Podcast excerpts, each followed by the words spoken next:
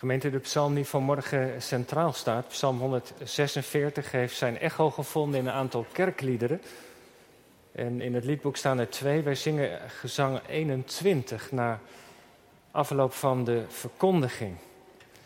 En het is een loflied, maar u moet weten dat dit lied is geschreven door Johan Daniel Hernsmit.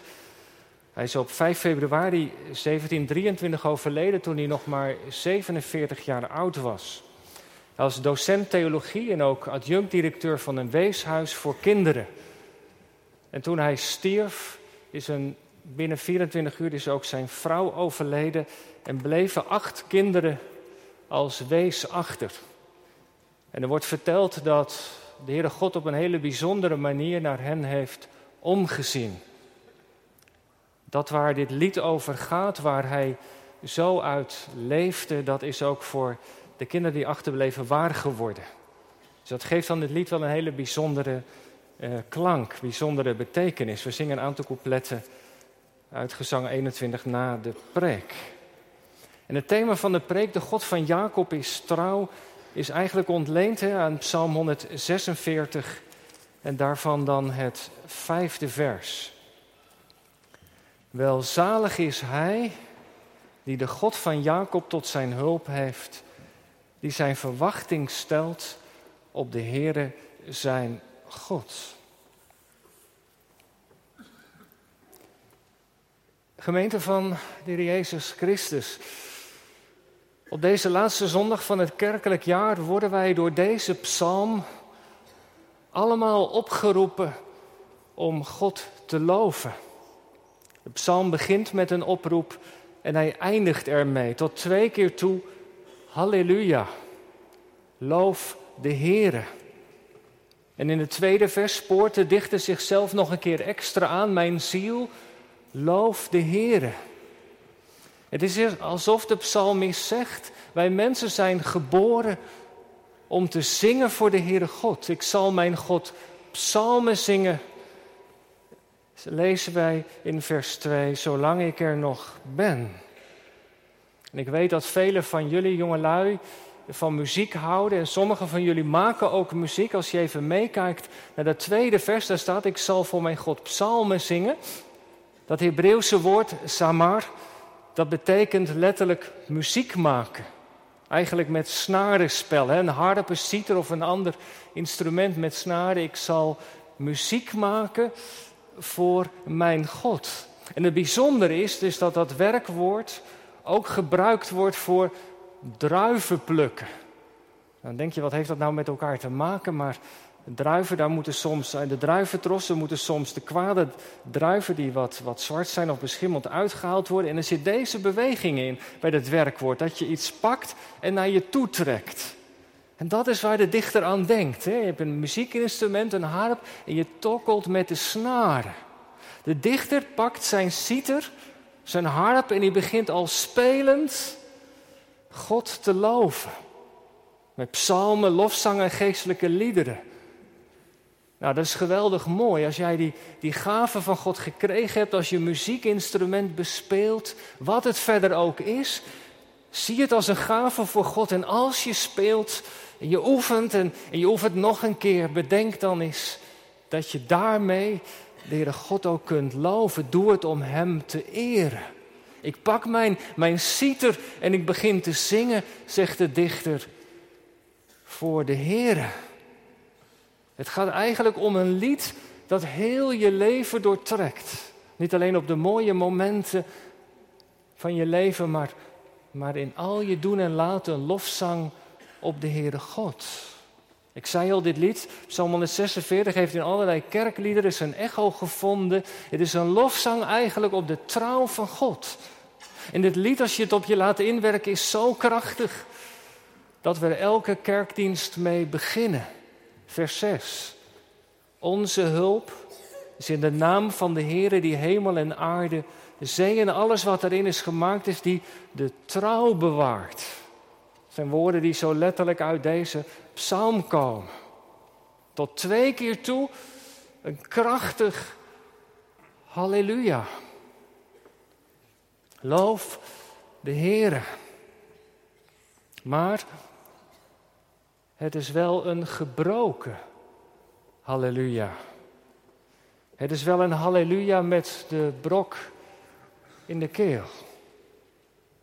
De dichter zegt namelijk in vers 2: Ik zal voor mijn God psalmen zingen, zolang ik er nog ben.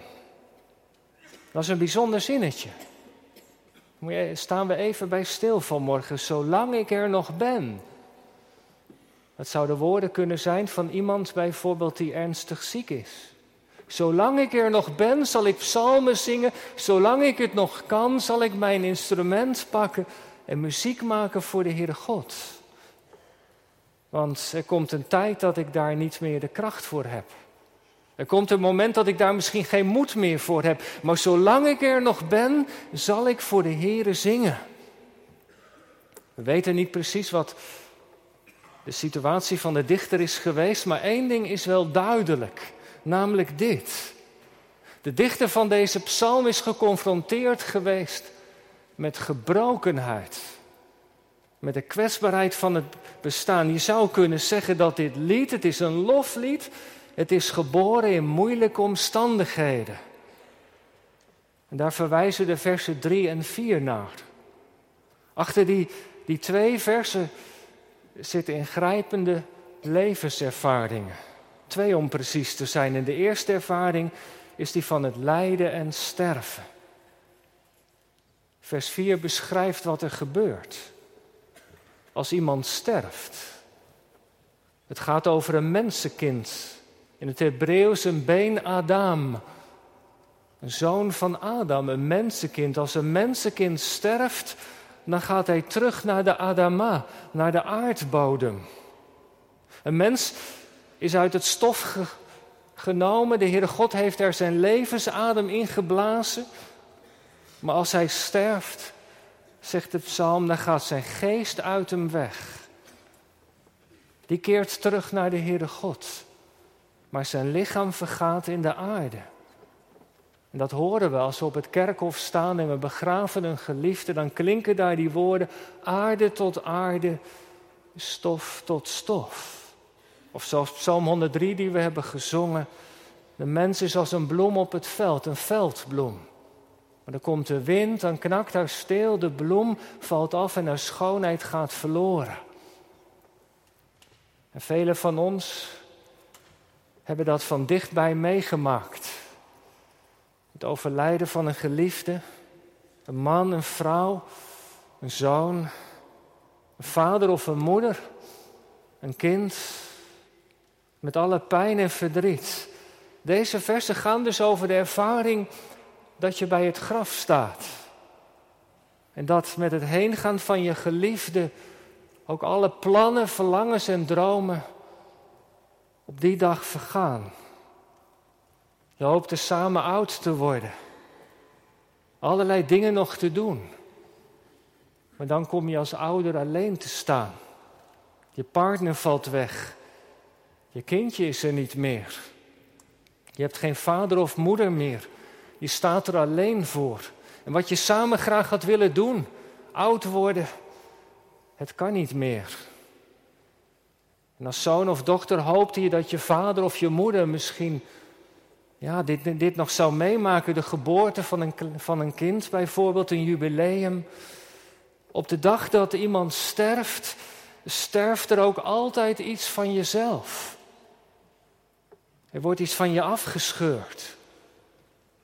En dat doet pijn. Op die dag vergaan zijn plannen, zegt het lied. Plannen en dromen, ze gaan zomaar mee in het graf. En dat is aangrijpend. En velen van jullie weten hoe dat is.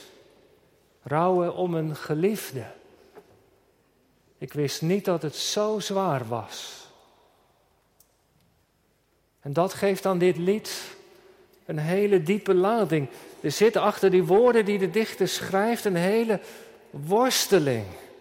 Om daarin ook zijn weg te vinden. En daarom begrijpen we ook dat hij dat in het begin van het lied ook zegt. Mijn ziel looft de Heer. Hij spoort zich als het ware zelf aan. En soms is dat ook nodig, dat je dat tegen jezelf zegt. Moet omhoog kijken.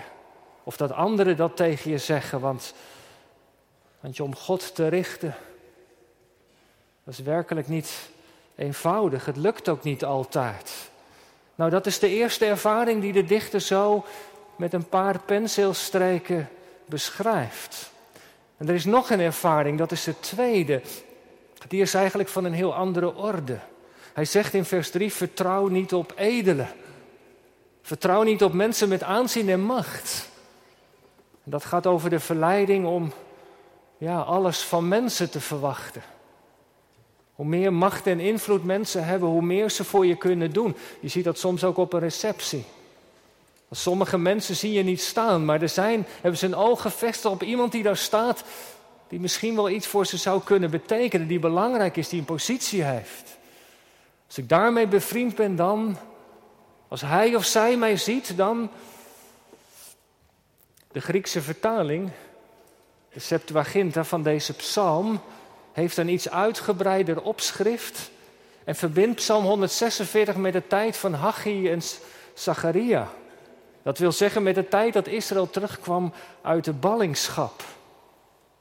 Toen brak er nieuwe hoop aan. God had ze thuis gebracht.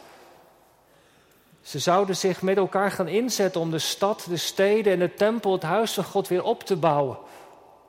En het volk keek op naar hun leiders.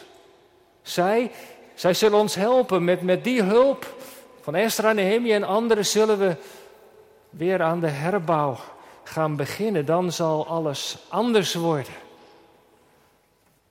En dat is wat we eigenlijk steeds weer zien gebeuren.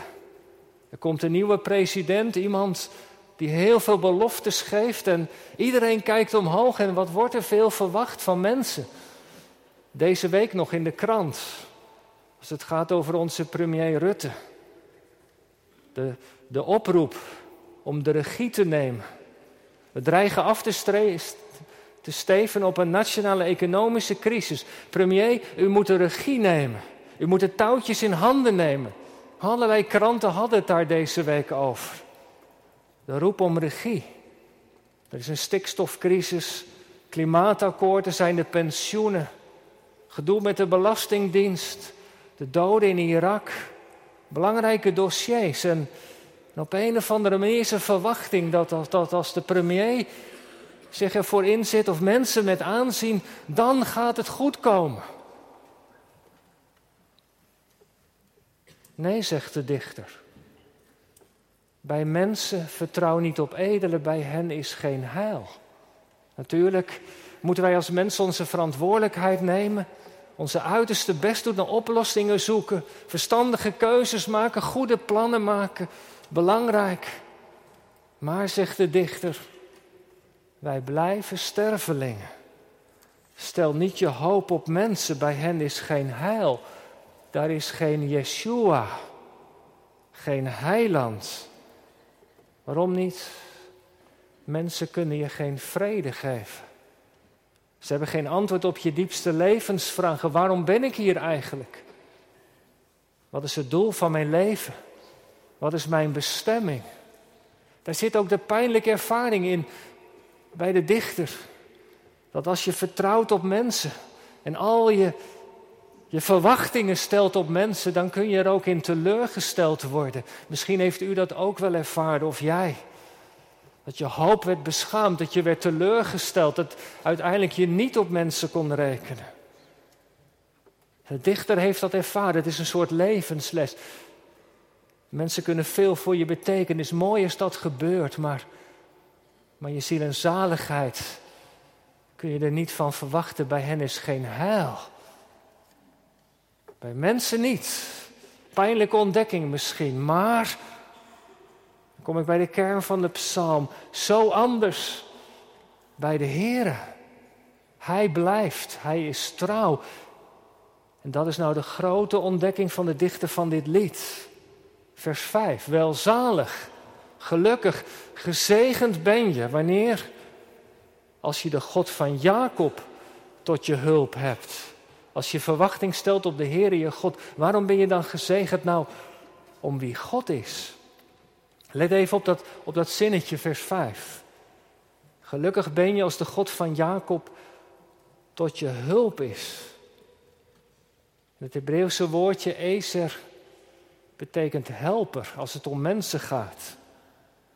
Hulp, ja, dat is wat wij ontvangen. Mensen die hulpbehoevend zijn, hebben concrete hulp, zorg nodig. En wat mooi als je dat mag ontvangen. Maar de Heer doet zoveel meer dan hulp geven. De dichter van de psalm zegt, hij is een helper. En dat heeft de dichter ervaren in die situaties van lijden en gebrokenheid, in de situatie van beschaamd vertrouwen in mensen. Maar er is er één die overbleef. Die er niet vandoor ging, die er was op al die moeilijke momenten, die optrad als een helper. Gelukkig ben jij, zegt het tegen ons allemaal, als de God van Jacob je helper is. Zo tekent hij de Heer. Zo is hij God en voeten uit. Ik weet niet of u in uw portemonnee een visitekaartje hebt. Zo'n businesskaart. Wat zet je daar dan op? Daar staat je naam in, het bedrijf misschien waarvoor je werkt. Maar heel vaak zet je in een paar zinnetjes ook op wat je doet. Je baan is, waar je goed in bent. Wat je specialiteit is. Maar als nou de God van de Bijbel een visitekaartje zou hebben, wat zou daar dan op staan? Ja, zeg je, dat kan natuurlijk niet. Waar heeft de Heere God niet mee te maken? Dat kun je natuurlijk niet allemaal op zo'n klein kaartje zetten. Hij heeft overal mee te maken. Hij is onze schepper. Kijk, de psalm is wat hij allemaal wel niet doet. En waar hij goed in is. Daar heb je een heel boek voor nodig. Jazeker. Maar als je het aan de dichter zou vragen, wat zou er nou op dat kleine kaartje staan? Dan zou daar volgens mij dit op staan wat in vers 5 staat. Hij is een helper. Of een helper in nood. Want als er één ding is waar Gods hart naar uitgaat, dat is de rode draad in heel het Oude Testament. Laat het Oude Testament in alle toonaarden horen, dat is zijn zorg. U kent het wel voor de weduwe, de wees en de vreemdeling. God die een helper is in nood. En je ziet dat ook in de versen in de volg van de psalm. De versen 7 tot en met 9. Kijkt u maar even mee. Daar geeft de dichter een opsomming. En het is alleen, alleen maar ellende, ellende waarmee God zich inlaat. Hij is ten zeerste bevonden hulp in benauwdheden. Hij is daar te vinden, zegt de dichter, waar mensen geen helper hebben. Waar het recht ver te zoeken is. Waar het brood door anderen wordt opgegeten. Waar mensen gebonden zijn. Waar ze door zorgen gebogen te neergedrukt zijn. En in al die dingen is Hij betrokken. Is Hij erbij als die helper in nood. Met andere woorden, de dichter zegt, je zult nooit te vergeefs een beroep op Hem doen. Hij is maar één zucht van je verwijderd. En ik dacht toen ik dat zo van de week op me liet inwerken, die laatste versen van de psalm, dan zie je daar toch ook een afspiegeling in van wie de Heer Jezus is. Vindt u niet? Als Johannes de Doper in de gevangenis zit en hij twijfelt of de Jezus de Messias is, dan wijst hij hem op de tekenen. Dan horen we een echo van deze psalm. Als hij in Nazareth in de synagoge leest, het boekje Zaaien opent, dan komen allerlei dingen uit deze psalm weer terug. Blinden worden ziende, kreupelen kunnen lopen. De Jezus is als die herder. Hij laat die 99 schapen achter, want die ene schaap, die heeft ontferming nodig in het bijzonder. Hij trekt met die andere schapen op, hij leidt ze, maar, maar als er één afdwaalt, als één zijn, zijn voet gebroken heeft, dan pakt de herder en dan draagt hij dat schaap. Dat is de Heere God, met eerbied gezegd, ten voeten uit. Telkens als er op aarde een mens wordt geholpen, een verdrukte recht wordt gedaan, zoals de psalm zegt, een hongerige wordt gevoed, een zieke wordt genezen, een zondaar zich bekeert, dan zie je daarin de werken van de Heer. Die zit daarachter. Die heeft dat geopenbaard. Dat is wat de dichter van morgen aan ons allemaal wil meegeven. Als er één ding is hoe je de Heer mag zien, dat Hij een helper is, gelukkig ben je. U, jij en ik, als de God van Jacob je helper is. Het is wel opvallend trouwens, misschien dacht u dat wel. Het gaat in de laatste versen van de psalm eigenlijk alleen maar over wat God doet. Dat hij brood geeft aan hongerigen, dat hij gebogenen opricht, dat hij omziet naar de wees en de weduwe. Maar het is toch ook belangrijk dat wij naar elkaar omzien? Of niet? De kring van de gemeente, de situaties van zorg en verdriet, wat is het belangrijk dat we elkaar vasthouden, toch? Dat we elkaar niet loslaten. Niet in de eerste weken, maar daarna en langer ook. Dat we naar elkaar omzien, dat is belangrijk. En ik hoop dat we dat ook blijven doen. Gods zorg wordt vaak zo concreet. Via wat wij voor onze broeder of zuster kunnen doen. Boodschappen, een pannetje soep, bemoedigende kaart misschien. Speciale aandacht voor kinderen die een vader of moeder missen. Ik denk dat de dichter dat allemaal niet zal ontkennen, dat dat belangrijk is. Maar het gevaar is dat dan alle aandacht uitgaat naar wat wij mensen doen. Al die dingen die nodig zijn, die moeten wel gebeuren, maar de dichter vindt het belangrijk om bij de Heere God te starten. Want, want als Hij ons op pad stuurt om, om zorg te dragen, dan moeten wij eerst de harteklop van Hem gehoord hebben. Die dingen die Hem ter harte gaan, die moeten als het ware ook in ons hart zijn. En daarom start de dichter bij wie God is. Want alleen als je leeft van ontferming, kun je over anderen ontfermen. Alleen als je het weet wat, van, wat, wat het is om van genade te leven, kun je genadig zijn naar anderen. Als je zelf door de Heere God bent opgericht, dan weet je wat dat betekent ook voor anderen. En daarom ligt de focus in dit lied op wie God is. Hij is degene die nooit teleurstelt, die raad weet met vragen en verdriet, die een helper is. Kunt u zich voorstellen dat de dichter daar zo vol van is? Als je dat ontdekt. Dat hij daarom dit lied zo heeft gecomponeerd. Een halleluja. Loof de Heer, want op al die momenten van mijn leven was Hij er. Hij is mijn helper. Jawel, het is een halleluja dat gebroken is.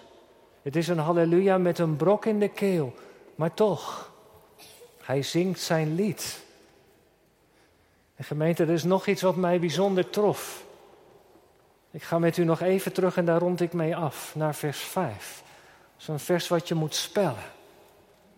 Want wat is voor de dichter een grote bron van verwondering geweest? Dwars door alles heen. Let even op hoe hij God noemt. Hij noemt God de God van Jacob. Heb je wel eens bij stilgestaan hoe bijzonder dat is? Jacob is een van de aartsvaders. Wij kennen hem uit de Bijbel als de man die worstelde met God. Al in de baarmoeder was hij in gevecht met zijn broer Esau. Hij was degene die zijn broer bedroog en de zegenstal. Heel zijn leven was een gevecht met God. De naam die hij kreeg, Israël, strijder met God. Jacob was een mens met zonde en gebreken.